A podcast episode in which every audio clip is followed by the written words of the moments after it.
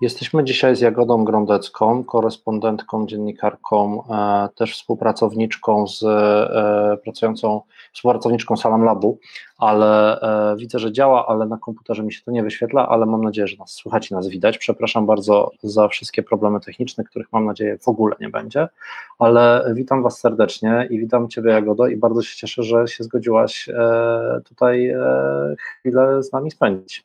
No to ja bardzo dziękuję za zaproszenie. No, tutaj e, wczoraj e, super, że miałeś tego live u siebie na Instagramie. Pamiętajcie, że właśnie e, czekamy teraz na wszystkich spóźnialskich, więc ja jeszcze minutkę na, taką rozgr- na takie rozgrzanie, żeby wszyscy sobie kliknęli i tak przegadam. W każdym razie Jagodę śledźcie na Instagramie, bo chyba tam najwięcej publikujesz. Wodę, bo, bo, bo... Dobrze, to przynieś sobie wodę, a ja powiem wszystko, co, co możecie, gdzie możecie śledzić Jagodę. Jagodę możecie śledzić na Instagramie Możecie ją wspierać na Patronite, ona zawsze o tym zapomina, ale, mm, ale Jagoda ma Patronite'a i możecie ją tam też wspierać i myślę, że sporo jej materiałów powstaje właśnie dzięki temu, że e, ma takie wsparcie wielu osób. No, e, oprócz tego możecie czytać jej korespondencję mm, w różnych e, czasopismach w Polsce, przede wszystkim wyborczej i krytyce politycznej. Natomiast jeśli macie Instagrama, to tak naprawdę polecam ją tam obserwować. Ja nazywam się Karol Wilczyński, jestem e, jednym z twórców e, Salam Labu. E, jakieś tam pojęcia o Afganistanie mam, ale tak naprawdę myślę, że Jagoda będzie wiedziała dużo więcej. Jagoda, ty bardzo długo już mieszkasz w Afganistanie, prawda? Od września zeszłego roku, dokładnie, co jest dość zabawne, w pewnym sensie od 11 września zeszłego roku. Okej, okay. no to mam nadzieję, że dotrwasz do rocznicy ale e, zanim przejdziemy, bo chciałbym, żeby dzisiejsza rozmowa miała takie trzy części. Po pierwsze, chciałbym troszkę o polityce porozmawiać, po drugie o życiu. Bardzo dużo widziałem też było pytań o kobiety i wydaje mi się, że to jest temat, który też musimy przegadać, ale też, też po prostu los e, tych zwykłych ludzi. E, I trzecią część, dla mnie najciekawszą, to jest Twoje tutaj funkcjonowanie. I to na koniec zostawimy. Ale powiedz na początek, e, wszystkich zapraszam oczywiście do zadawania pytań, jest nas dosyć dużo, ale, ale część z tych pytań na pewno uda się e, zadać, e, bo ja nie mam ich tak wiele. Mm, powiedz, jak wygląda Kabul, Jagoda, po, po tym dniu od przejęcia kontroli przez talibów? Czy coś się zaczęło zmieniać, czy cały czas jest to, jak pisałaś, wymarłe miasto? Przyznam szczerze, że ja miałam nadzieję, że nieco się dzisiaj więcej wyklaruje e, ze strony talibów, jeśli chodzi o, no, o sposób rządzenia od teraz miastem, o sposób rządzenia e, krajem. Natomiast nie padło za dużo jakichś takich jednoznacznych deklaracji. Myślę, że talibowie tutaj po prostu mm, czekają, zastanawiają się, jak to rozegrać, jak ogłosić swoje przejęcie władzy, tak żeby zabezpieczyć sobie jak największą możliwą szansę na uznanie po prostu ich rządu przez e, społeczność międzynarodową która jasno zapowiedziała, że e, rządu zdobytego, władzy zdobytej siłą e, nie uzna. E, a to jest w zasadzie taka bardzo jakaś specyficzna sytuacja, bo Kabul został przejęty bezkrwawo, nie doszło tutaj na szczęście oczywiście do żadnych walk w mieście. Wyglądało tak, że Kabul został po prostu ze wszystkich stron otoczony. Talibowie przez ostatni tydzień zdobywali po prostu prowincję po prowincji. Wczoraj rano pojawiła się informacja, że talibowie są już po prostu u bram Kabulu. Właśnie ze wszystkich, e, ze wszystkich czterech stron. I wtedy w mieście wybuchła taka, e, tak jak mówiłam właśnie wczoraj na live, taka lekka panika, że ludzie rzucili się do bankomatów, wypłacać pieniądze do banków, e, do sklepów. Później ta, i rządy, i talibowie wzywali, wzywali wszystkich mieszkańców, żeby oni po prostu zostali w domach, więc po południu to miasto zaczęło po prostu wymierać. Tylko droga na lotnisko była jeszcze bardzo oblężona, a reszta rzeczywiście po prostu została w domach ze swoimi ze swoimi rodzinami, pozamykano te banki, pozamykano sklepy, generalnie pozamykano wszystko. Dzisiaj od rana jest y, bardzo spokojnie w mieście, y, bo wszędzie w mieście są już y, talibowie, bo wczoraj, no wczoraj oczywiście doszło do kolejnych jakby dezercji. Chociaż nie wiem, czy można mówić o dezercjach, no oni mieli rozkaz, żeby, żeby nie walczyć, ale opustoszały komisariaty, komisariaty policji, żołnierze pozrzucali, e, pozrzucali mundury, część na przykład właśnie zrzuciła mundur, przybrała się w takie tradycyjne ubrania, ale zachowała, zachowała broń. E, więc kiedy, no i cały dzień jeszcze trwały, może pół dnia jeszcze trwały negocjacje między talibami a przedstawicielami właśnie władz Kabulu, między różnymi afgańskimi, między rządem, różnymi politykami, różnymi warlordami. I przez cały dzień tak naprawdę spływały do nas doniesienia, że uda się jednak utworzyć rząd tymczasowy, który miałby rządzić przez pół roku i na jego czele miał stanąć były szef MSW z czasów Hamida Karzaja, Ali Ahmad Jalali. E, natomiast po południu pojawiła się informacja, że prezydent Gani e, poleciał do Tadżykistanu. Znaczy, no, Afgańczycy mówią e, po prostu uciekł. Mhm. No i wtedy w mieście, no jak to, jak to bywa w takiej sytuacji, kiedy po prostu kiedy jest taka próżnia, mm, właśnie jeśli chodzi o służby bezpieczeństwa, jeśli chodzi w ogóle o władzę, zaczęło dochodzić do jakichś takich scen rabunków, plądrowań sklepów, e, ludzie rozkradali samochody. E, był taki bardzo duży chaos i dezinformacja, bo z jednej strony dobiegały nas tej zewsząd doniesienia, że takie zwyczajne grupy przestępcze podszywają się pod talibów, używając emblematów talibów i tak dalej i właśnie dokonują tych wszystkich kradzieży i rozbojów. Z drugiej strony inne osoby mówiły, że jest dokładnie na odwrót, że to talibowie poprzybierali w policyjne mundury, które pozyskali w tych y, porzuconych komisariatach, y, włamują się do tych, nie wiem, sklepów, domów i kradną te auta. Oczywiście no jedno drugiemu zaprzeczało, wszyscy temu zaprzeczali. No, praktycznie niemożliwe było zweryfikowanie tak naprawdę, no, co, tutaj, co tutaj jest prawdą. No więc w obliczu tej sytuacji talibowie cały dzień mówili, E, my będziemy czekać właśnie przed bramami Kabulu, nie będziemy wchodzić do miasta, zajmować go siłą, nie będzie żadnych walk. My czekamy na pokojową tranzycję władzy. Jednak kiedy prezydent Gani e, opuścił kraj, e, no, talibowie, to była dla nich niesamowicie wygodna sytuacja, bo właśnie no, w mieście zapanował pewien chaos, więc talibowie powiedzieli ok. Okay. panuje, bardzo przepraszamy, ale my nie nie mogli się żeby po prostu przywrócić porządek, żeby zapewnić mieszkańcom Kabulu bezpieczeństwo.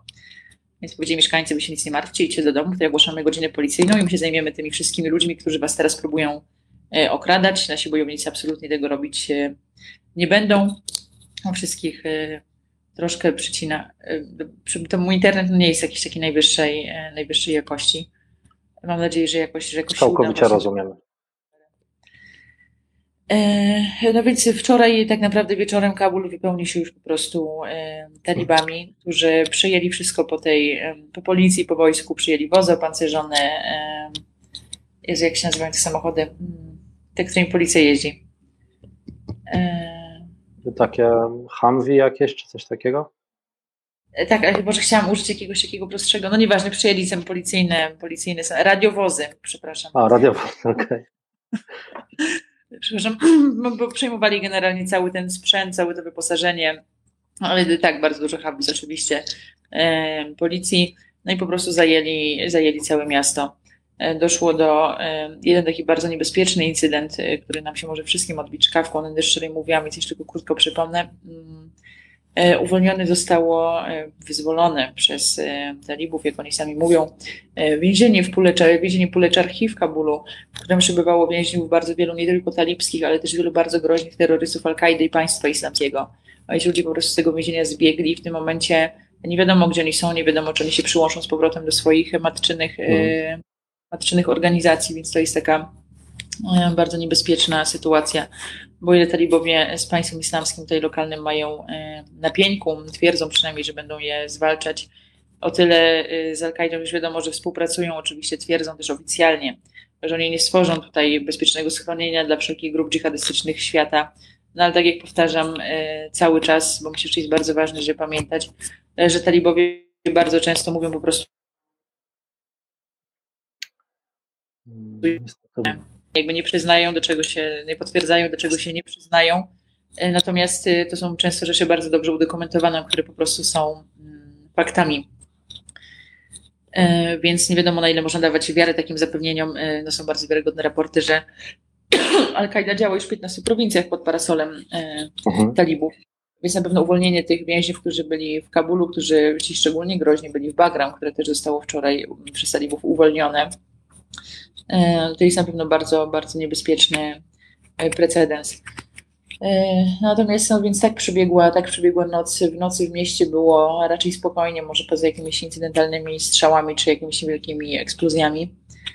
Katastrofalna sytuacja panowała i panuje cały czas, czyli już będą ponad 24 godziny na lotnisku Tam myślę, że bardzo wielu z Was już widziało, dochodzi do scen po prostu dantejskich. W tym momencie jest już 10 ofiar śmiertelnych, jakby całej tej sytuacji na lotnisku.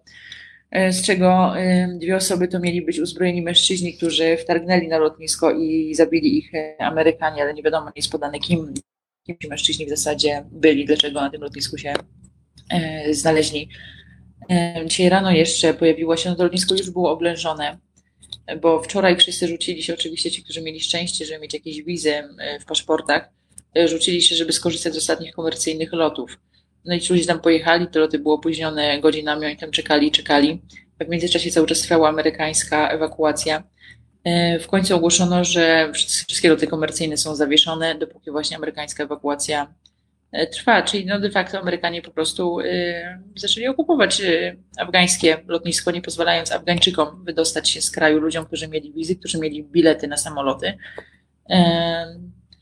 Tak, przez amerykańską ewakuację te samoloty po prostu nie mogły, nie mogły przelecieć i ci, którzy mieli jeszcze ostatnią szansę, żeby z kraju wyjechać, no niestety nie wyjechali już z pewnością nie wyjadą, przynajmniej nie w mhm. najbliższym czasie, bo ciężko powiedzieć, kiedy można się spodziewać przywrócenia jakichkolwiek połączeń komercyjnych Czyli za tę sytuację też są odpowiedzialni Amerykanie.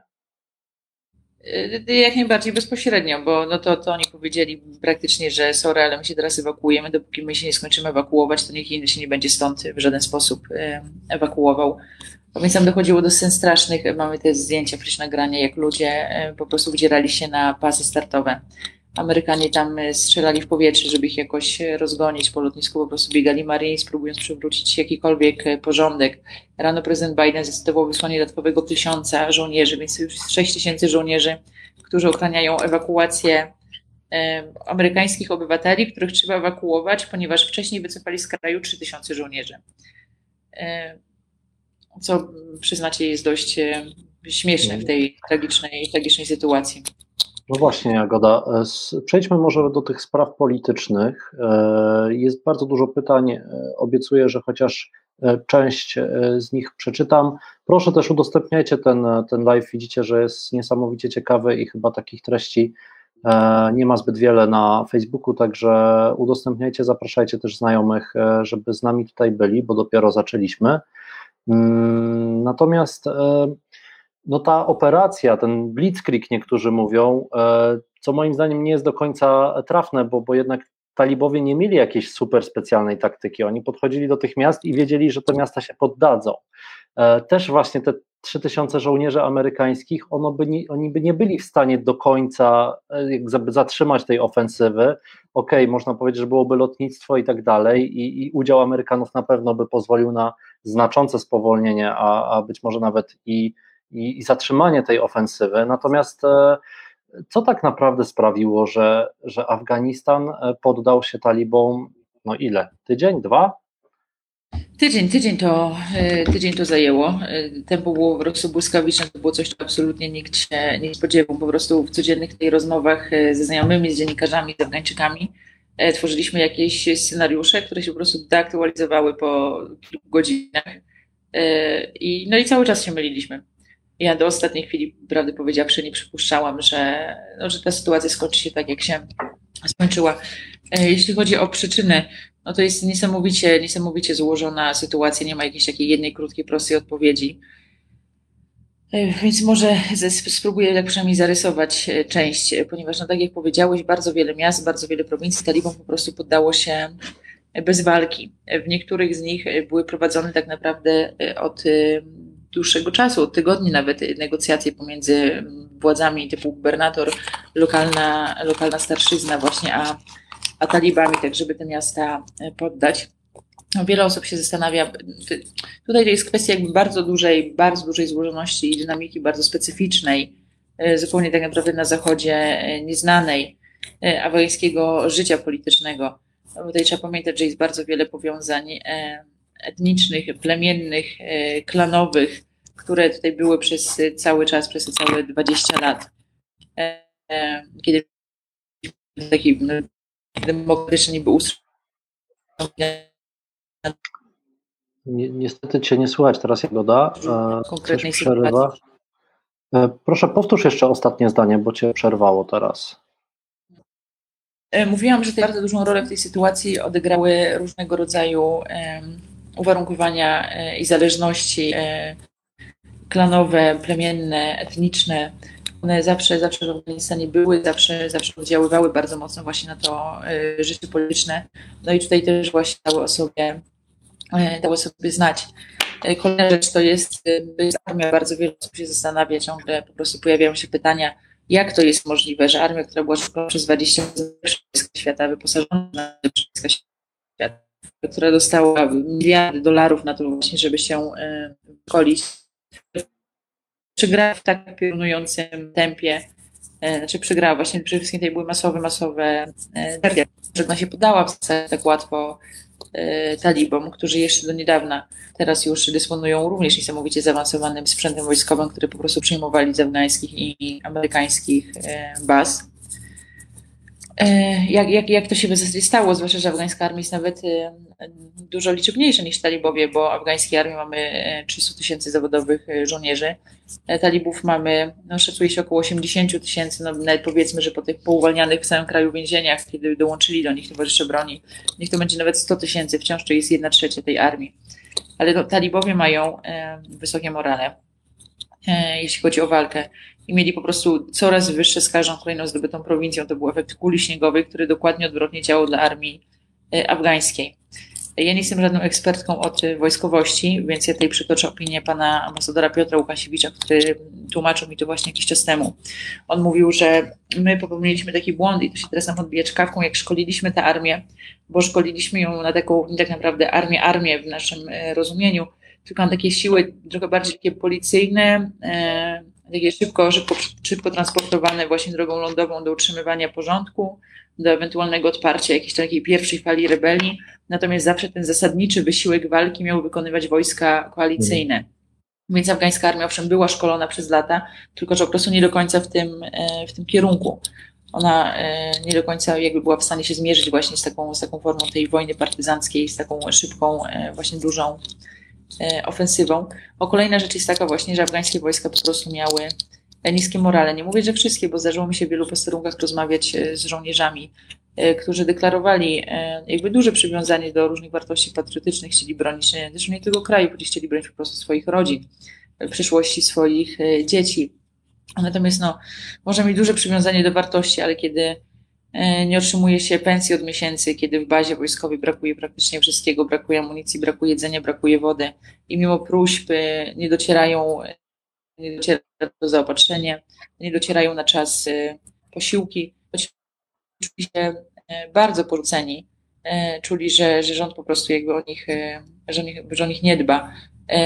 Tutaj też rząd miał bardzo duży kryzys legitymacji, on nigdy się nie cieszył jakimś dużym uznaniem wśród Afgańczyków bardzo wiele osób oskarżało go o skorumpowanie i nieudolność, oczywiście totalnie niebezpodstawnie. On był, jest, znaczy no już był, jak ciągle się mogło odnaleźć w nowej rzeczywistości. On był skorumpowany i był nieudolny, z czego Afgańczycy sobie bardzo dobrze zdawali sprawę. No, ta korupcja toczyła po prostu afgańskie życie publiczne na e, każdym szczeblu. E, też wiele osób miało, miało takie poczucie i na pewno wielu żołnierzy też, że te elity polityczne tak naprawdę nie reprezentują ich interesów. Bardzo wiele osób jak niejako im wytykało, że prezydent Gani, tak jak wiele osób z jego bliskiego otoczenia, wielu takich wysokich rangą polityków, ma podwójne obywatelstwo, ma na przykład amerykański paszport czy jakieś europejskie paszporty, że ich rodziny mieszkają za granicą, no więc oni mówili po prostu, jak mamy ufać tym ludziom, że oni chcą o nas zadbać, że oni chcą poprawić sytuację, skoro, skoro ich rodziny nawet tu nie mieszkają, oni sami w każdej chwili mogą e, opuścić ten kraj. I to zrobili. I to, no i właśnie to zrobili. E, Afgańczycy są e, wściekli. E, no więc jakby to wszystko, to wszystko do kupy, plus właśnie te kolejne deale z talibami, no kiedy ci żołnierze widzieli, że oni są po prostu jakby no, przekazywani tym talibom, albo kiedy widzieli, że, no, że są już po prostu totalnie otoczeni, a nie mają szans, a nie, do, nie, nie docierają posiłki z Kabulu, o które, o które oni proszą. No więc kiedy ci talibowie przychodzili, oferowali im po prostu no, zachowanie życia, że będą mogli spokojnie opuścić pole walki, wrócić sobie do domów.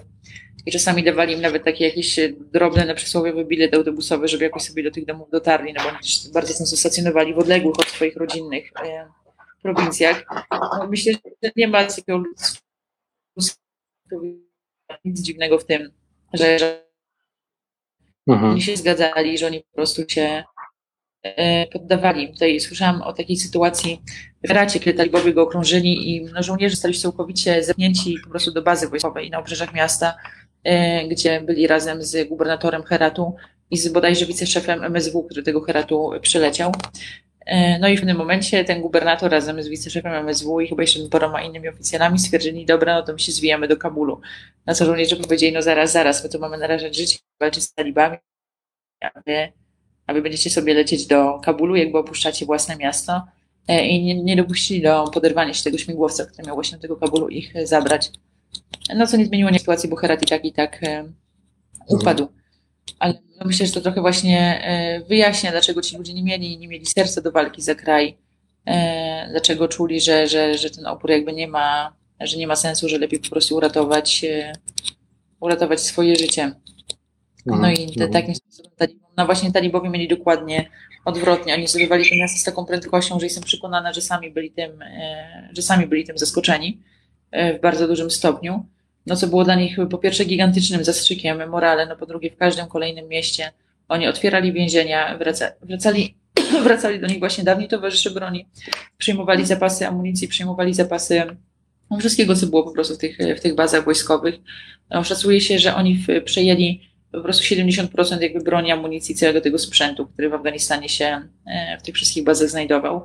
E, a to już nie był sprzęt jak z lat 90., tylko to były często Wiadomo, że część to były jakieś stare radzieckie chałbice i kałachy, natomiast część to było po prostu nowoczesne amerykańskie wyposażenie za grube miliony dolarów, no, które teraz po prostu są w rękach talibów. Oni przejęli wręcz śmigłowce gdzie niegdzie. Ja ciągle chciałabym bardzo, żebyś mi powiedział, gdzie oni nauczyli się je pilotować, bo prawdę powiedziawszy, najpierw zobaczyłam, że je przyjęli i pomyślałam, no dobra, ale śmigłowcem się trzeba umieć latać. E, po czym zobaczyłam nagranie, jak oni rzeczywiście wykonują jakieś rundki e, tymi śmigłowcami na niebie. Myślałam, że okej, okay, jakby znowu, znowu ich e, nie doceniłam najwyraźniej do końca. No właśnie są niedoceniani ci talibowie i są demonizowani. Jest dużo takiej właśnie narracji, że, że to koniec Afganistanu. Um, um, no ale jesteś w Kabulu, podejrzewam, że jak wyjrzysz przez okno, to może gdzieś tam zobaczysz checkpoint e, talibów i jak wyjdziesz na ulicę, to od razu ich spotkasz i e, no, no, nie rozerwą cię na kawałki i nie, nie będą e, traktować cię nieprzyjaźnie. Ja może przypomnę też, bo, bo mamy sporo nowych osób, e, rozmawiam z Jagoną Grondecką, która aktualnie od dłuższego czasu już mieszka w Kabulu, i doświadcza na własne oczy y, jednej z y, największych przemian w tym kraju w ostatnich latach, w ostatnich dekadach, można powiedzieć. Mm, jest takie pytanie, które też y, często samemu dostaję i z którym no, odkryłem, że mam problem. I ciekaw jestem, co, co, co na nie odpowiesz, bo um, praktycznie dokładnie 20 lat temu do Afganistanu rozpoczęła się akcja wojskowa e, pod e, przywództwem Stanów Zjednoczonych, w wyniku której no, kraj był kontrolowany, niektórzy mówią okupowany przez e, Stany Zjednoczone, siły koalicji, w tym oczywiście Polskę, której kontyngent liczył tam bodajże 2600 żołnierzy w takim naj, naj, najwyższym momencie. I pytanie, które, które nigdy nie wiem, jak, jak, jak odpowiedzieć, brzmi: po co oni tam w ogóle byli? No, oni tam, znaczy, Amerykanie się udali tam e, z jednego jakby prostego powodu, mianowicie wydarzył się 11 września.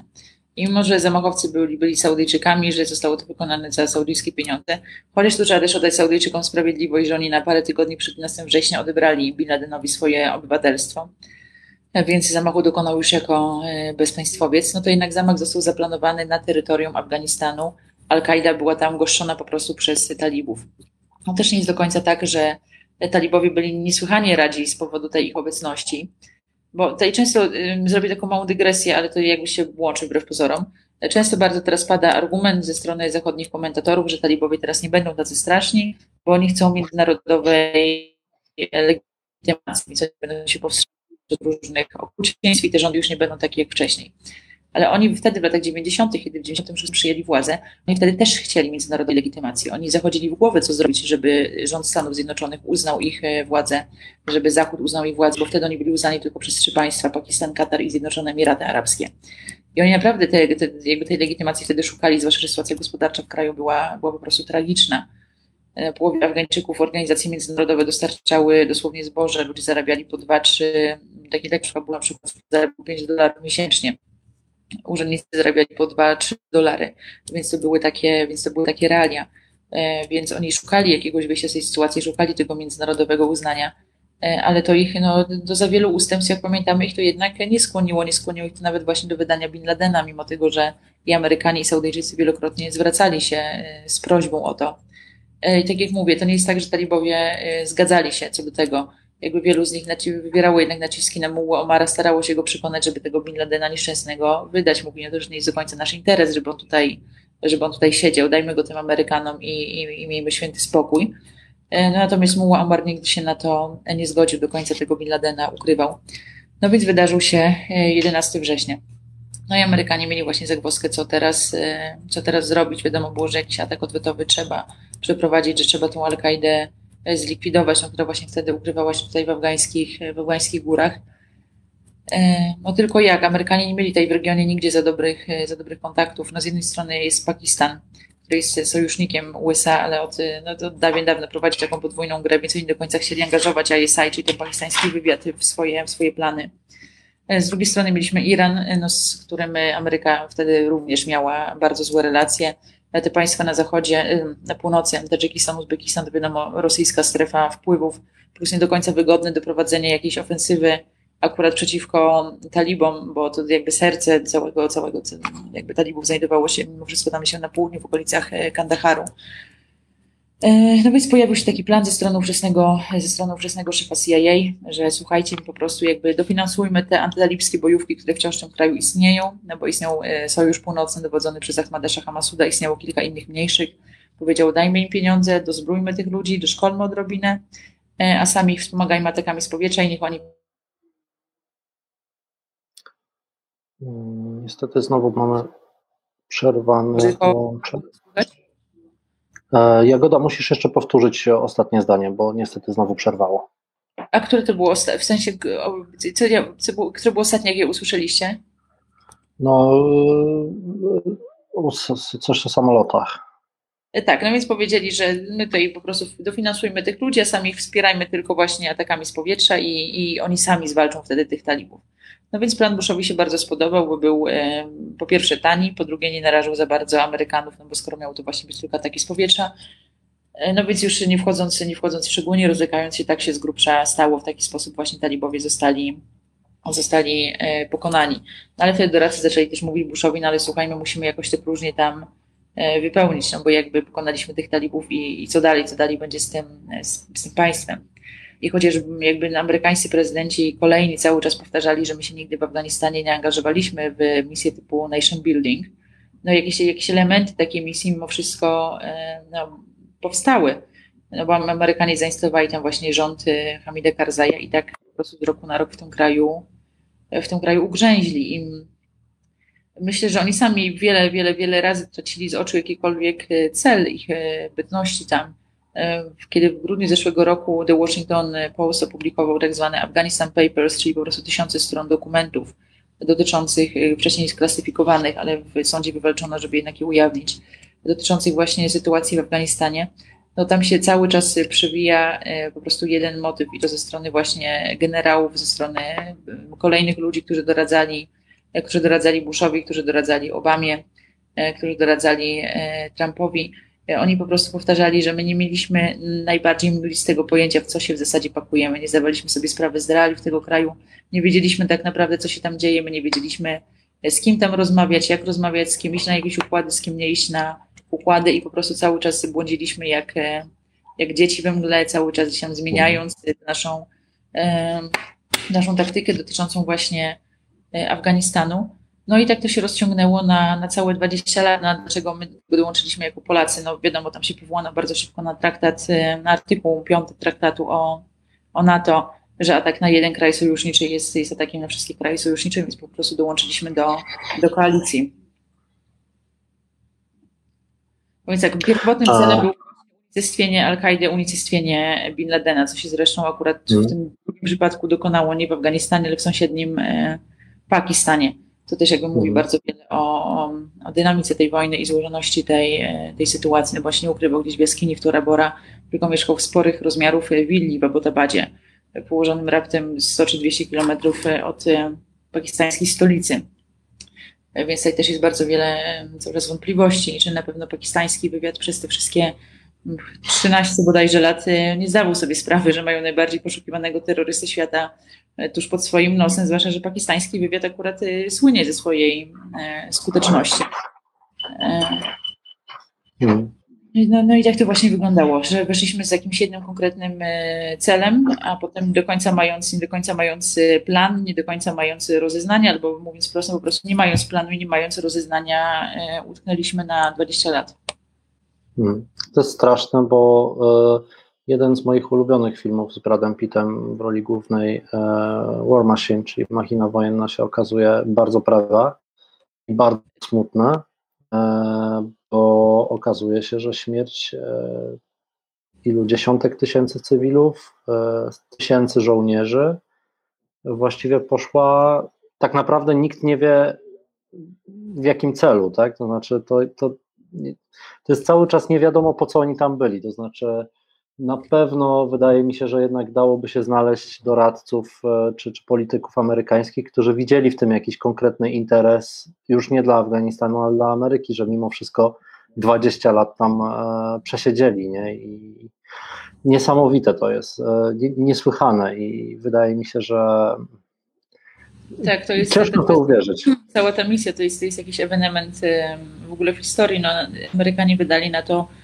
2 biliony dolarów. Szacuje się, że od 2 do 3 to jest więcej niż oni wydali na odbudowę całej Europy w ramach planu Marszala po II wojnie światowej. Oni wpakowali to wszystko w ten jeden kraj. E, już abstrahując jakby od talibów, którzy wrócili do władzy, e, jak były te pieniądze rozdysponowywane, no to widać po prostu wystarczy się, wystarczy się przejść po Kabulu czy przyjechać. No, w tym mieście ciągle nie ma E, jakby porządnej sieci wodociągowej. To jest 20% domów podłączonych w ogóle do miejskich wodociągów, reszta wody ciągnie sobie e, ze To mówimy o stolicy. Tak, to jest stolica. E, I w ogóle nie mówię o prowincji, gdzie często po prostu w ogóle nie ma prądu ani wody. A przecież na tą infrastrukturę też poszły grube, grube miliardy dolarów.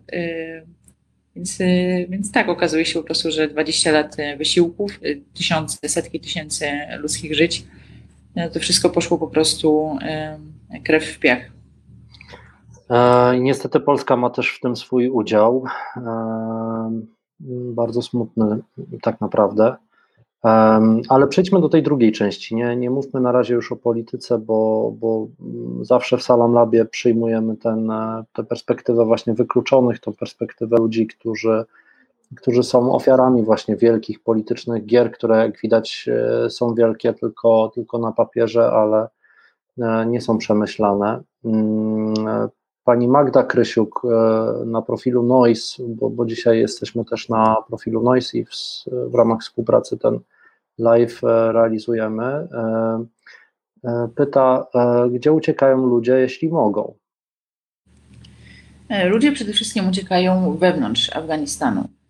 I to się odbywało w takich, powiedziałabym, trzech, trzech, na, na, na trzech etapach.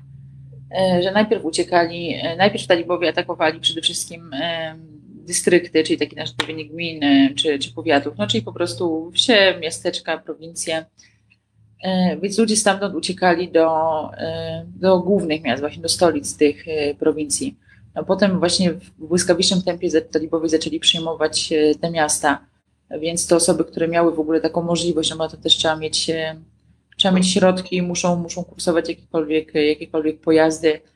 Część osób zaczęła uciekać do Kabulu. Teraz właśnie kiedy ostatnim, znaczy ostatnim, to jednym z etapów tego właśnie tej talibskiej ofensywy była, była ofensywa na północy, było praktycznie całkowicie pod, podbicie całkowite północy kraju, więc takich prowincji północnych typu Kunduz, Baglan, ludzie zaczęli uciekać właśnie do Kabulu i opowiadali, że, że po prostu często nie mieli jak uciec bo autobus odjechał jakiś tam jeden, który ma 50 miejsc i zabrał do nim 150 pasażerów, więc ludzie po prostu się cisnęli jak, jak, jak kurczaki.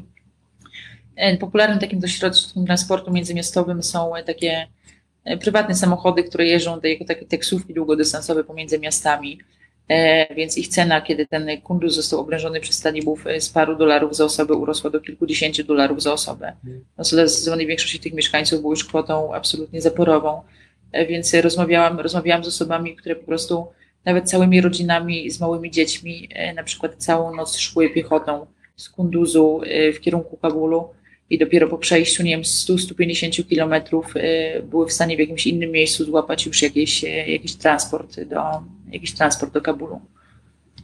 No więc właśnie, te osoby uciekały do Kabulu. W ciągu ostatniego tygodnia dotarło ich tutaj kilkanaście tysięcy. No i z Kabulu nie ma już, nie mają już dokąd uciec. No, wiadomo, że część Afgańczyków starała się wyjechać za granicę bardzo często też wrzucali te decyzje do ostatniej chwili, bo tak jak mówiłam, e, tempa tej ofensywy po prostu nikt, nikt absolutnie się, się nie spodziewał.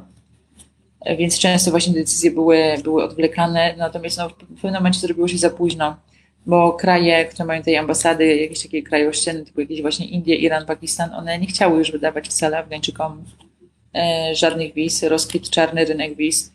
Koleżanka opowiada mi właśnie, że próbuje wydostać swoją rodzinę dokądkolwiek, żeby tylko mogli bezpiecznie przeczekać jakiś taki najgorszy okres, e, ale że turecka wiza kosztuje 7 tysięcy dolarów, a indyjska jest jakoś tam odrobinę, odrobinę tańsza. Na tym mówimy o bardzo biednym społeczeństwie, jakby ludzie po prostu poza bardzo nielicznymi elitami że nie, Mówisz mają... o fałszywych wizach i fałszywych dokumentach oczywiście. Znaczy, co do fałszywości tych wiz, jakby zdaje się, że one są wystawiane normalnie w tych ambasadach przez tych samych y, urzędników. No, zdarza się, że w ambasadach kwitną przecież procedery nielegalnego handlu zupełnie legalnymi, e, nielegalnymi wizami. No, no, to jest po prostu zbijanie majątku na, na okropnej ludzkiej tragedii. E, no więc jeszcze te osoby, które, które właśnie mogły jakkolwiek próbowały się wydostać, próbowały załatwić sobie jakieś wizy, ale tak jak mówię, no w ostatnich dniach, kiedy, kiedy ta sytuacja stała się tak tragiczna, to już stało się praktycznie, stało się to już praktycznie E, niemożliwe, więc bardzo wiele osób mówiło, że mają takie poczucie, że są zwyczajnie, że znalazły się w pułapce. E, oni uciekali przez setki kilometrów tutaj właśnie przed talibami, po czym przyszli talibowie i, no i stąd już nie ma dokąd uciec. Jak sądzisz, jak będzie, jak duża może być liczba uchodźców, którzy będą właśnie uciekać za granicę i czy talibowie jakoś przeszkadzają w ucieczce właśnie do Iranu, czy do Tadżykistanu, czy do Pakistanu? E, prawdę powiedziawszy, nie wiem, jak duża to może być e, liczba i nie widziałam chyba żadnych takich e, prognoz. Na pewno chciałabym uspokoić w cudzysłowie, że na pewno nie będzie jakiejś takiej ogromnej grupy, nie wiem, setek tysięcy ludzi, którzy docierają do Europy, bo to jest po prostu bardzo biedny kraj, to po prostu na to nie stać. Takie podróże z, jakby za pomocą przemytników i tak dalej, żeby chciał przerzucić ich do Iranu, potem do Turcji i później na przykład właśnie chciał do Grecji czy Włoch, no to kosztuje tysiące dolarów. Bardzo wiele rodzin choćby wyprzedało po prostu całe swoje majątki i tak nie uzbierałoby takiej kwoty, więc ci Afgańczycy, że dotrą jakkolwiek do Europy, no to będzie zdecydowana, zdecydowana mniejszość. E, część osób pewnie właśnie będzie starać szukać schronienia w tych sąsiednich krajach, jak Iran czy Pakistan. No ale przypomnijmy, w nich od czasów wojny domowej w latach 90. E, już i tak są miliony afgańskich uchodźców. Oni w żadnym z tych krajów nie cieszą się w obu krajach są traktowani e, e, raczej źle. E, mieszkańcy odnoszą się do nich z dużą niechęcią. I Iran i Pakistan, jakby zawsze Pakistan zasugerowały, że oni jakby już więcej tych Afgańczyków wcale nie chcą. Podobnie Turcja, do której też zaczęło sporo Afgańczyków uciekać. Czy mówię znowu sporo, stosunkowo sporo, no nie w stosunku do tych, którzy uciekli do Kanady czy czegoś takiego, ale wciąż nie są jakieś ogromne liczby. Mhm. No, ale Turcy powiedzieli, że no, jakby my nie chcemy tych E, Afgańczyków, więc po prostu weźcie ich od nas, e, zabierzcie. Mhm. E, co do tego, czy talibowie będą utrudniać, to prawdę powiedziawszy, nie wiem i ciężko, ciężko to przewidzieć. No, oni kontrolują w tej chwili absolutnie wszystkie granice w kraju. W tym momencie przejście graniczne przez talibów nie jest kontrolowane, to jest właśnie lotnisko w Kabulu, no, przez które żaden taki przeciętny Afryczyk się nigdzie już nie wydostali. W tym momencie są militarne i tak zawieszone kilka godzin temu ze względu na sytuację na lotnisku. Nie wiem, czy Amerykanom się udało tam przywrócić porządek, oczyścić lotnisko nagle, żeby, żeby móc kontynuować po prostu swoją ewakuację swoich współpracowników. Ja jeszcze do jakieś, nie wiem, pół godziny temu słyszałam cały czas tego lotniska strzały, więc wydaje się, że sytuacja mimo wszystko tam nie jest wciąż, wciąż najlepsza. Natomiast jest bardzo trudno też przewidzieć, jak będzie z komercyjnymi lotami. Po tym, jak już wszystkie zachodnie państwa zakończą ewakuację talibowie przejmą kontrolę nad, nad lotniskiem. Czyli linie lotnicze jakby zdecydują się po prostu wysyłać tutaj swoje załogi, wysyłać tutaj swoje, swoje samoloty na lotnisko, które będą kontrolować talibowie. No to jest jedno z bardzo, bardzo, bardzo wielu pytań, e, które jakby z mhm. bardzo wielu znaków zapytania, jeśli chodzi o no, najbliższe tygodnie, najbliższe miesiące w kraju, o to, jak po prostu będzie wyglądać Afganistan pod e, nowymi rządami talibów. Mhm. E, dzięki Jagoda. Przypominam wszystkim, że rozmawiam z Jagodą Grondecką, która przebywa aktualnie w Kabulu. Bardzo dziękuję za wszystkie komentarze. Jak widzicie, jest bardzo dużo. Postaram się wybrać e, przynajmniej część. E, udostępniajcie i zapraszajcie znajomych e, do oglądania tego live'a. Wydaje mi się, że jest to wyjątkowy content na Facebooku. I teraz pytanie, tutaj jest prośba od pani Hani Kłosińskiej, która na Salam Labie pyta, co z afgańskimi uchodźcami, współpracownikami placówek, polskich, po których ma przylecieć ta jednostka, czy oprócz tych dwóch Herkulesów, które mają przylecieć, coś jeszcze więcej wiadomo, e, bo, bo już chwilę wcześniej o tym mówiliśmy, ale też e, była mowa tam o 40 chyba 7 osobach, natomiast to są chyba sami pracownicy, ale, ale nie, nie ma mowy na przykład o rodzinach, no a przecież zemsta e, talibów za współpracę z e, okupantem, tak, bo tak chyba oni traktują jednak siły koalicji, mm, e, no, mo, może być, może dotknąć również rodziny tych pracowników, o ile się nie mylę. Jak najbardziej może dotknąć, jakby dlatego ci ludzie, dlatego wszystkie pozostałe kraje ewakuują właśnie tych ludzi razem z całymi rodzinami.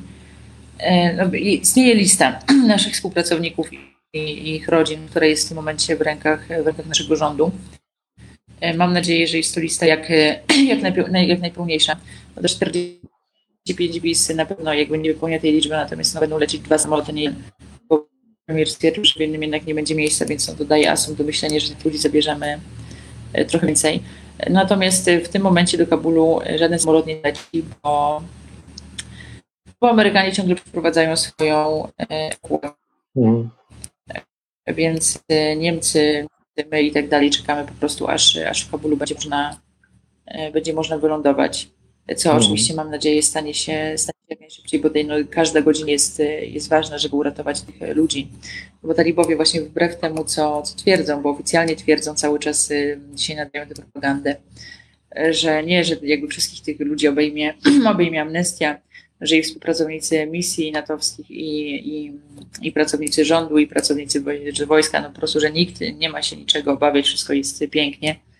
E, natomiast e, słyszałam dzisiaj kilkadziesiąt, jeśli, jeśli nie więcej doniesień o tym, że talibowie jednak chodzą ze swoją własną listą e, po Kabulu od drzwi do drzwi i szukają, szukają, tych, szukają tych osób, więc one, one się czują zagrożone, jak najbardziej mają ku temu jak najbardziej mają temu podstawy, no więc no, każda kolejna godzina ich przebywania na terytorium e, Afganistanu, jest każda po prostu kolejna godzina e, narażania ich życia. No, mam nadzieję, że uda się tę ewakuację odbyć e, jak najszybciej. Znaczy nie wiem, może powinnam się cieszyć, że ona się w ogóle odbędzie. Natomiast no, to też nie było coś nie do przewidzenia, że trzeba będzie to, że trzeba będzie to zrobić. Wydaje hmm. się, że inne państwa pomyślały jednak o tym nieco wcześniej skoro na przykład Czesi czy Słowacy, te, te, te potężne kraje i potęgi militarne, zdołały już samoloty po swoich współpracowników e, wysłać, a u nas ta decyzja zapadła, zapadła dopiero dzisiaj. I to pod naciskiem po... opinii publicznej, e, co cieszy. E, Jagoda, takie pytanie, bo bardzo wiele osób, dziękuję za te pytania, pyta o kobiety i dziewczynki. E, bo wiele doniesień mówi o tym, że z jednej strony już nie będą pracować, e, że są zawracane w drodze do pracy tam w urzędach czy w szkołach, z drugiej strony nie będą się mogły uczyć. Mm, I są też doniesienia, i ja nie jestem pewien, czy, czy to są prawdziwe doniesienia, ale e, czy są zmuszane do małżeństw z bojownikami? zacznę, zacznę od końca tego zmuszenia do małżeństw. To, to jest to, co po prostu relacjonują mieszkańcy tych prowincji, które talibowie opanowali, no, między innymi właśnie ci mieszkańcy, którzy uciekli do Kabulu. Oni po prostu opowiadają o tym, że talibowie żądali na przykład od rodzin właśnie wydania im zamężnych córek, że gdzie niegdzie kazali na przykład członkom lokalnej starszyzny tworzyć listy takich niezamężnych rodzin po prostu z niezamężnymi, z niezamężnymi e, córkami. E, kobiety opowiadały o tym, że, że na przykład, że, że ich córki były gwałcone albo że uciekły, bo bały się, że ich córki właśnie zostaną zgwałcone, że zostaną wzięte do, zostaną wzięte do talibów e, w niewolę. No te talibowie oczywiście to oczywiście odżegnują się zupełnie od tego, talibowie to dementują, natomiast tak jak mówię, to no nie są to jakieś moje ani niczyje e, teorie czy, czy domysły, to są po prostu bezpośrednie relacje Afgańczyków, którzy uciekli z prowincji, które wcześniej opanowali talibowie, zanim jeszcze przejęli kontrolę nad krajem. A jeśli chodzi o sytuację, no myślę, że, że wszyscy sobie zadają pytanie na czele oczywiście e, z Afgankami, jakby co, co teraz będzie, jaka będzie teraz ich e, sytuacja, te wszystkie zdobycze ostatnich 20 lat, które umożliwiły im edukację, umożliwiły im kariery zawodowe, no umożliwiły im po prostu jakieś no, normalne życie, to, że mogły wychodzić sobie same do domu, że mogły pójść z koleżankami, e, posiedzieć w kawiarni, no co nam przecież nie wydaje się niczym nadzwyczajnym, ale Afganki e, nie mogły tego wszystkiego robić. E, one bardzo się boją, że, że wszystko teraz się obróci w niwecz. I znowu talibowie twierdzą, że absolutnie nie, że tu kobiety będą miały zagwarantowane prawa, że one się będą mogły uczyć, będą mogły pracować, oczywiście w stosownym odzieniu i odseparowane od jakichkolwiek mężczyzn w tym środowisku mm nauki czy pracy. E, jednak znów e, mieszkańcy, no po prostu Afgańczycy, którzy mieszkają pod e, rządami talibów, relacjonują, że ta sytuacja wygląda jakby on the ground zupełnie inaczej. Że zawracają właśnie kobiety z tych biur, że nie pozwalają im już więcej do tych biur przychodzić, że zabraniają studentkom przychodzić na uniwersytet, jak to miało miejsce w Heracie. W niektórych dystryktach w takiej północnej prowincji Badakhshan Pojawiały się, pojawiały się wręcz e, bardzo alarmujące doniesienia, że talibowie w ogóle zabronili kobietom wychodzić z domu właśnie bez tak zwanego męskiego opiekuna, tak jak to miało miejsce kiedyś. E, z jakiegoś powodu zachodnia opinia publiczna, myślę, że to jest kwestia jakiegoś e, guilty conscience, bardzo, mam wrażenie, że bardzo stara się wiary tym zapewnieniom talibów, że nie, nie, jednak teraz nie będzie, nie będzie aż tak źle. E, przyznam szczerze, ja nie znam oczywiście odpowiedzi na to pytanie, ponieważ absolutnie nikt nie zna. Natomiast wydaje mi się, że w takiej sytuacji zawsze jednak należałoby założyć ten e, gorszy scenariusz, że to on się zrealizuje i po prostu pilnować, pilnować bardzo mocno, żeby, żeby to się jednak e, nie stało, niż, niż po prostu dać, dać właśnie wiarę temu, że okej, okay, może jednak teraz nie będzie aż tak, może teraz jednak nie będzie aż tak źle. Znowu, bo oni szukają legitymacji szukają e, tego i owego i w ogóle się zmienili i, i dorośli przez 20 lat. No, ja, ja nie dawałabym wiary tym zapewnieniu, jak przede wszystkim, bo to nie moja opinia, tutaj się liczy. E, Afganki nie dają e, temu wiary. Te Afganki, szczególnie oczywiście te kobiety, które właśnie, no, które się wykształciły przez ostatnie 20 lat, które miały okazję właśnie realizować się, mogły się uczyć, mogły się realizować zawodowo, one, one nie wierzą w to, że będą mogły dalej to robić. One mają poczucie, że po prostu, że ich e, życia zostały im e, zabrane, że zostały im zabrane nadzieje na przyszłość, jakiekolwiek perspektywy.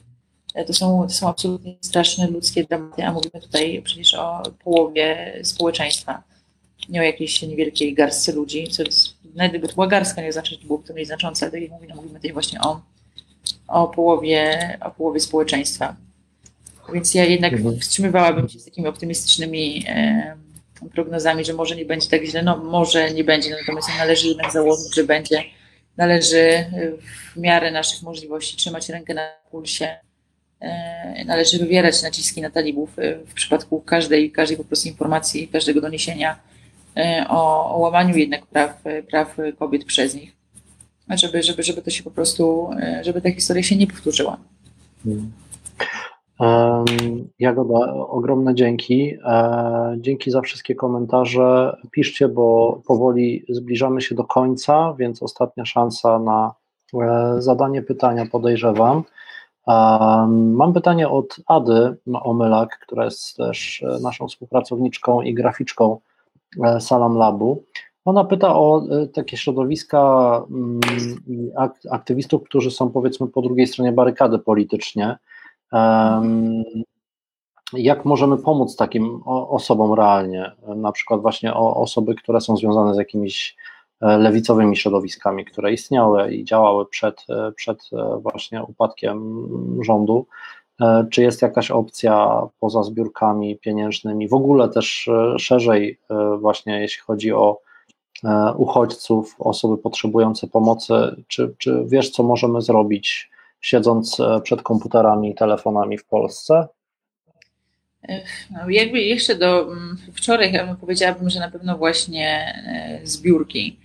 E, no, działało tutaj trochę, trochę NGO-sów, które, które właśnie pomagały tym osobom, pomagało na przykład właśnie tym wewnętrznie przesiedlonym. E, natomiast, tak jak mówię, no, budziliśmy się dzisiaj w zupełnie nowej rzeczywistości i nie mam pojęcia, jak to będzie teraz wyglądało, na przykład, czy te instytucje dalej będą mogły pracować, czy dalej będą mogły pomagać ludziom. E, wydaje mi się, jakby to jest bardzo smutna konstatacja, ale że mamy jednak w bardzo dużej mierze dość e, związane ręce, e, że, że pomoc, że pomoc jakakolwiek jakby dokonywana tutaj na miejscu będzie już teraz w tym momencie bardzo, bardzo mocno ograniczona, no bo to będzie, wszystko będzie zależało od tego, jakby na co po prostu pozwolą talibowie, a na co, a na co nie pozwolą. Myślę, że na pewno warto, warto nawet, nawet trzeba cały czas nagłaśniać właśnie sytuację, sytuację Afgańczyków, sytuację afgańskich cywili, najróżniejszych e, grup wśród nich, tak żeby właśnie no, nie dać się jednak złapać na lep narracji, że, że, że może będzie dobrze, a może, może przynajmniej nie będzie tragicznie. A talibowie teraz robią wszystko, żeby, żeby świat w to uwierzył. Oni um, ogłosili dzisiaj, że minister zdrowia z rządu Ashrafa Ganiego może dalej sobie pozostać ministrem zdrowia.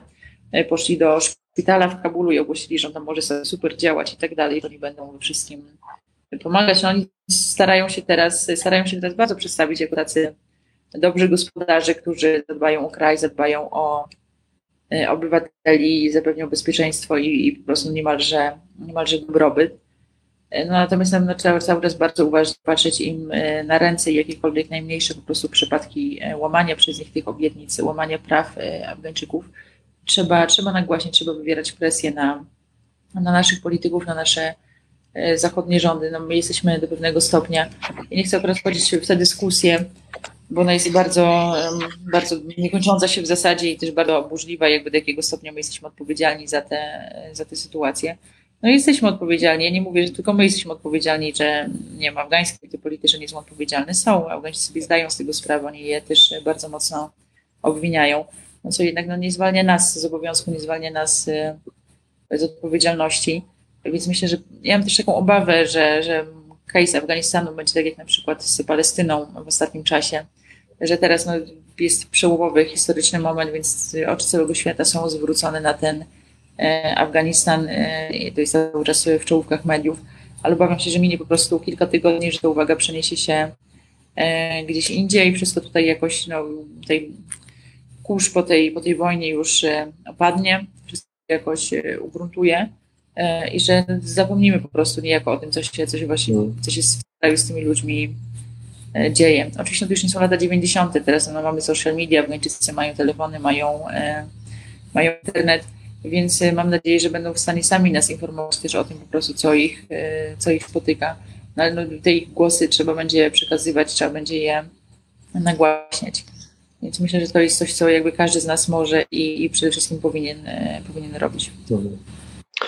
No i dodajmy może od siebie, dodam, bo niedawno wróciłem z granicy białorusko-litewskiej, że prawdopodobnie część z tych, niewielka część, garstka w porównaniu do całej liczby tych uchodźców, czyli osób wewnętrznie przesiedlonych, zmuszonych do migracji, E, dotrze do Polski, bo, bo, Afganistan tak naprawdę od Europy dzielą dwa kraje. Iran, w którym żyje już ich tam ponad 3 miliony, chyba prawie 4. E, w Turcji, gdzie jest e, kilka, też 4 miliony czy 5 milionów Syryjczyków, uchodźców z Syrii, kilkaset tysięcy Afgańczyków. No i tam już nie ma miejsca. Znaczy te, te kraje przyjęły największą ilość uchodźców w ogóle, są, mają więcej uchodźców niż cała Unia Europejska, no więc na pewno te osoby trafią tutaj i chyba wszyscy możemy zrobić wiele, by, by te osoby chociaż tutaj e, znalazły bezpieczne schronienie i no, przeciwdziałać temu, temu strachowi, nie, lękowi, pokazywać, że, że to są ofiary wojen, którym no, trzeba mm, zgodnie z ideałami, pra, pra, prawami człowieka e, pomóc. Na pewno będziemy na Salam Lab niebawem organizować jakąś zbiórkę właśnie na rzecz tych uchodźców, którzy zresztą są z Afganistanu w dużej e, większości, właśnie teraz przekraczają granicę w województwie podlaskim z Białorusią. To, są, to, to nie są wielkie liczby, bo to jest kilkadziesiąt, może sto osób dziennie, no ale to już jest dużo więcej niż, niż było w zeszłym roku choćby i, i na pewno ci ludzie też będą potrzebować pomocy i no, śledźcie Salam Lab i wtedy na pewno będzie można mm, jakoś pomóc w ten sposób. E, a propos jeszcze zwykłych ludzi, Jagoda, mm, tutaj pani Dorota Dorocińska e, pyta, czy mogłabyś e, polecić nam konta osób, takich zwykłych ludzi z Afganistanu, tutaj cytuję pytanie, które warto obserwować w internecie, na Twitterze, na Instagramie, na, na Facebooku, czy, czy, czy możesz polecić takie, takie konta? Przyznam, że większość kont tych Afgańczyków, no, które są w social media, którzy właśnie udzielają się na Instagramie czy Twitterze, to są inne osoby z takiej, znaczy to są bardzo cenne głosy i te, i te głosy jak najbardziej jakby ich należy słuchać i należy, i należy je przekazywać, bo przede wszystkim to są po prostu głosy Afgańczyków, koniec, kropka. Natomiast oczywiście to są zwykle osoby no, typu dziennikarze, pracownicy jakichś e, NGO-sów, e, więc jeśli, jeśli dobrze zrozumiałam jakby kim, kim miałby być taki e, zwykły człowiek, no to jakby dostępność, popularność jakby social mediów nie jest tutaj aż tak e, duża, żeby takie osoby związane zupełnie z e, żadnym takim środowiskiem, na przykład właśnie medialnym, czy, czy rządowym, czy, czy pozarządowym, e, były jakoś bardzo w social mediach aktywne, ale, ale jest, jest, jest, jest w internecie bardzo wiele Afgańczyków, których warto słuchać.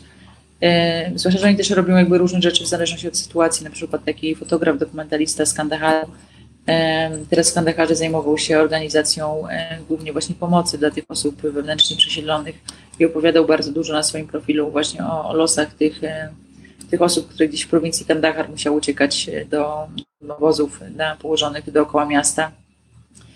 E, to jest zresztą bardzo smutna historia, bo on sam e, jako dziennikarz właśnie uciekł po opanowaniu Kandaharu przez talibów do e, Kabulu razem ze swoją rodziną, bo zdawał sobie sprawę z tego, że może być w niebezpieczeństwie dzisiaj właśnie pisał na swoim Instagramie, że, no, że jest, że czuje się zagrożony, że jest, że ukrywa się z rodziną w Kabulu, że w takiej sytuacji są jakby setki innych afgańskich dziennikarzy, ale że nie wie, co ma zrobić, nie ma, nie ma znikąd pomocy. No, bardzo, bardzo dramatyczny, bardzo dramatyczny apel, bardzo, bardzo dramatyczna po prostu sytuacja. Hmm. Hmm. Jest to bardzo trudne, co mówisz, ale, ale no, ważne, żebyśmy to wszyscy usłyszeli.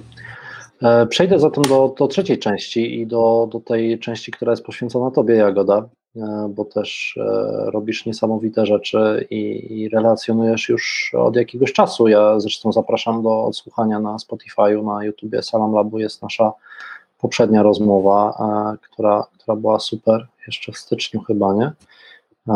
Z tego co tak, pamiętam. Tak, tak, tak. Um, pani Zuza Sosnowska na, na pyta, skoro talibowie mają listę współpracowników ambasad, to czy również mają listę dziennikarzy, którzy tak jak pani zostali? Czy w tym sensie, e, Jagoda, tobie coś zagraża ze strony talibów?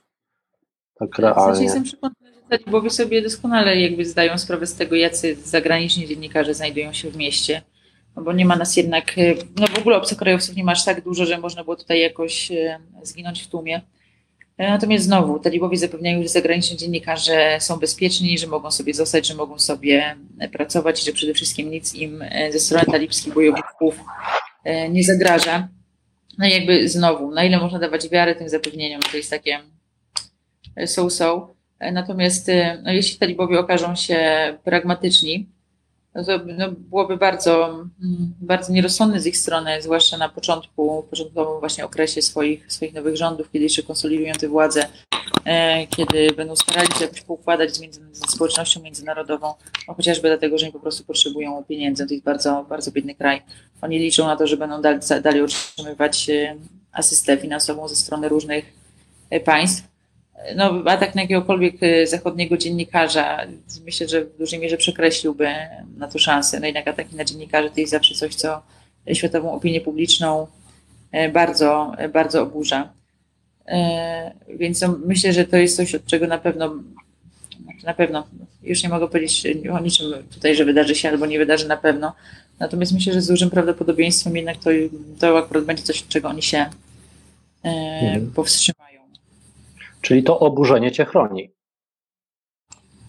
No niejako tak, niejako tak. Znaczy, no jak, jak pokazała historia wielokrotnie, jak na przykład w przypadku Jamala Khashoggiego, e, rozczłonkowanego e, w saudyjskim konsulacie, z tego burzenia bardzo często nic e, nie wynika, bo Saudyjczycy nie pomyśleli nigdy żadnych konsekwencji za to, że zamordowali dziennikarza. No ale świat o tym, świat o tym mówił. No plus też jednak Arabia Saudyjska i jej władze, a Afganistan i jego nowe władze to też, to też są dwie różne rzeczy. Um, chyba były jakieś sankcje, ale jakieś takie niewielkie w sprawie Khashoggiego, tak mi się wydaje, ale nawet kilka osób, chyba, kilka jakiś... osób chyba dostało zakaz wstępu do Stanów Zjednoczonych. Coś, wiesz, ten deseń. Ale, ale rzeczywiście niewielkie były te sankcje. Mm, e, słuchaj, no ale jeśli zostajesz, to jak e, wyobrażasz sobie funkcjonowanie? Co będziesz robić? Czy masz właśnie w ogóle możliwość wychodzenia z domu, rozmawiania z ludźmi? Czy to będzie od razu podejrzane? No a jeśli uciekniesz, to czy masz plan na ucieczkę? Wiem, że o tym mówiłaś wczoraj na live, ale mm, być może są osoby, które, które go nie oglądały na Instagramie. Ja tak, oczywiście mam plan, mam plan e, ewakuacji. Jakby nie jest tak, że ja tak sobie siedzę po prostu e, niczym się nie przejmując i, i także ja tak plan mam. Mój kot dostał dzisiaj, mój kot dostał dzisiaj paszport, więc jesteśmy obie gotowe do ucieczki w każdej chwili, gdyby to, gdyby to było konieczne. E, no to myślę, że wszyscy się mierzymy z takim samym dylematem. E, z jednej strony oczywiście wszyscy chcą tutaj zostać i chcą dalej relacjonować, chcą móc pokazywać światu, co się w Afganistanie będzie pod tymi nowymi rządami działo. Z drugiej strony właśnie to są pytania, na które nie znamy jeszcze odpowiedzi właśnie na przykład, czy będziemy mogli pracować tak jak do tej pory, no bo jeśli, jeśli nie będzie można swobodnie poruszać się po mieście, po kraju, nie będzie można rozmawiać z ludźmi, no to bytność tutaj żadnego dziennikarza nie ma absolutnie E, żadnego sensu, a, a jeszcze nie wiadomo. Aczkolwiek dzisiaj widziałam, no tylko, że to dziennikarze agencyjni, a część z nas to freelancerzy, więc też trochę dwie inne sytuacje. E, ale widziałam, że dziennikarze poruszali się dzisiaj po mieście, że robili rozmowy, włącznie z tym, że robili rozmowy z, z talibami, którzy są e, w Kabulu. No, włos nikomu z głowy nie spadł. Jak długo taki stan rzeczy się utrzyma, oczywiście no nie jest to do przewidzenia. I no myślę, że to wszystko będzie właśnie to, co będzie się jeszcze ugruntowywać w, w najbliższych dniach, najbliższych tygodniach, najbliższych miesiącach.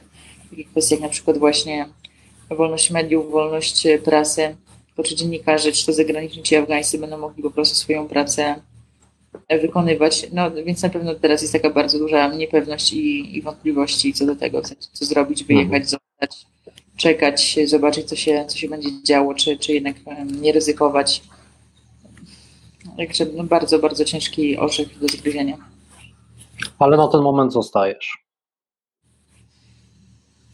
Ja nie, nie, chcę, nie chcę się wypowiadać publicznie, bo przypuszczam, że moja mama nas ogląda. Ale. E, Okej, okay, dobra, to nie, nie, nie odpowiadaj. E, słuchajcie, jest bardzo dużo pytań, za które bardzo, bardzo dziękuję, bo oboje jesteśmy tak naprawdę freelancerami z Jagodą, oboje pracujemy dziennikarsko, właściwie nie wiem, no Tutaj mógłbym długo mówić o, o, rzeczywistości polskich mediów i zainteresowaniu właśnie takimi sprawami jak Afganistan na co dzień. E, jest dużo pytań, co możemy zrobić dla Jagody. Jagoda, co możemy dla Ciebie zrobić? Można wspierać mnie na portalu Patronite i w ogóle w ostatnich dniach mnóstwo e, pojawiło się mnóstwo nowych patronów i patronek, za co bardzo Wam e, dziękuję. A to wsparcie naprawdę bardzo dużo dla mnie znaczy. Na przykład mogłam sobie dzięki temu e, przed dwoma tygodniami kupić swoją własną kamizelkę kulotworną. I już nie muszę, już nie muszę jej wypożyczać, tylko mam ją w domu i mogę w każdej chwili ją założyć i sobie wyjść, co jest, co jest bardzo wygodne, na co no nie mogłabym sobie pozwolić normalnie, bo to są e, bardzo drogie rzeczy. I, I, to właśnie kupiłam za, za patronów i patronek pieniądze, za co, za co jestem bardzo wdzięczna, bardzo dziękuję. E, to, to raz. Dwa, na pewno możecie e, oglądać Jagodę na Instagramie. Mm, no, nie wiem, czy coś jeszcze. Jagoda, powiedz, bo teraz możesz, e, trzy życzenia możemy wymienić. Oj, o mamy Patronite'a, mamy Instagrama. Don't get me started, jak mawiają anglosasi. no, e,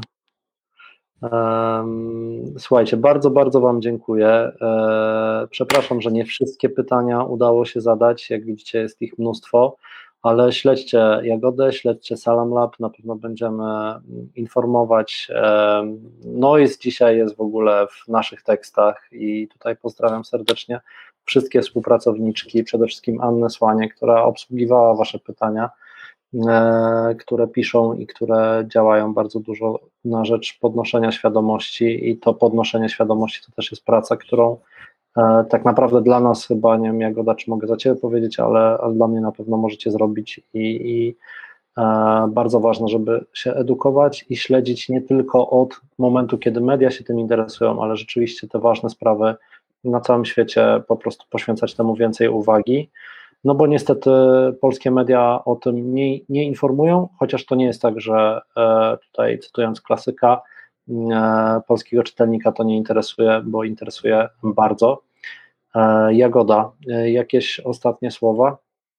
No, ja mogę tylko podpisać się pod tym, co, co powiedziałeś, żeby, żeby właśnie czytać, żeby się, żeby się edukować, żeby śledzić, no i, no i żeby właśnie no, nie zapominać E, o, o innych ludziach, w tym przypadku przede wszystkim o Afgańczykach, którzy są no, w wyjątkowo trudnym momencie swojej historii, e, wyjątkowo trudnej sytuacji i będą bardzo potrzebować naszego wsparcia. No. E, Jagoda, jeszcze raz ogromne dzięki i do, do zobaczenia niebawem na kolejnych transmisjach pewnie. Oczywiście. Bardzo dziękuję wszystkim i życzę dobrej nocy. Nasze rozmowy powstają wyłącznie dzięki naszym darczyńcom. Dołącz do naszych patronów i patronek na patronite.pl ukośnik salamlab i buduj pokój razem z nami. Autorem muzyki do naszego podcastu jest Wasim Ibrahim. Dziękujemy.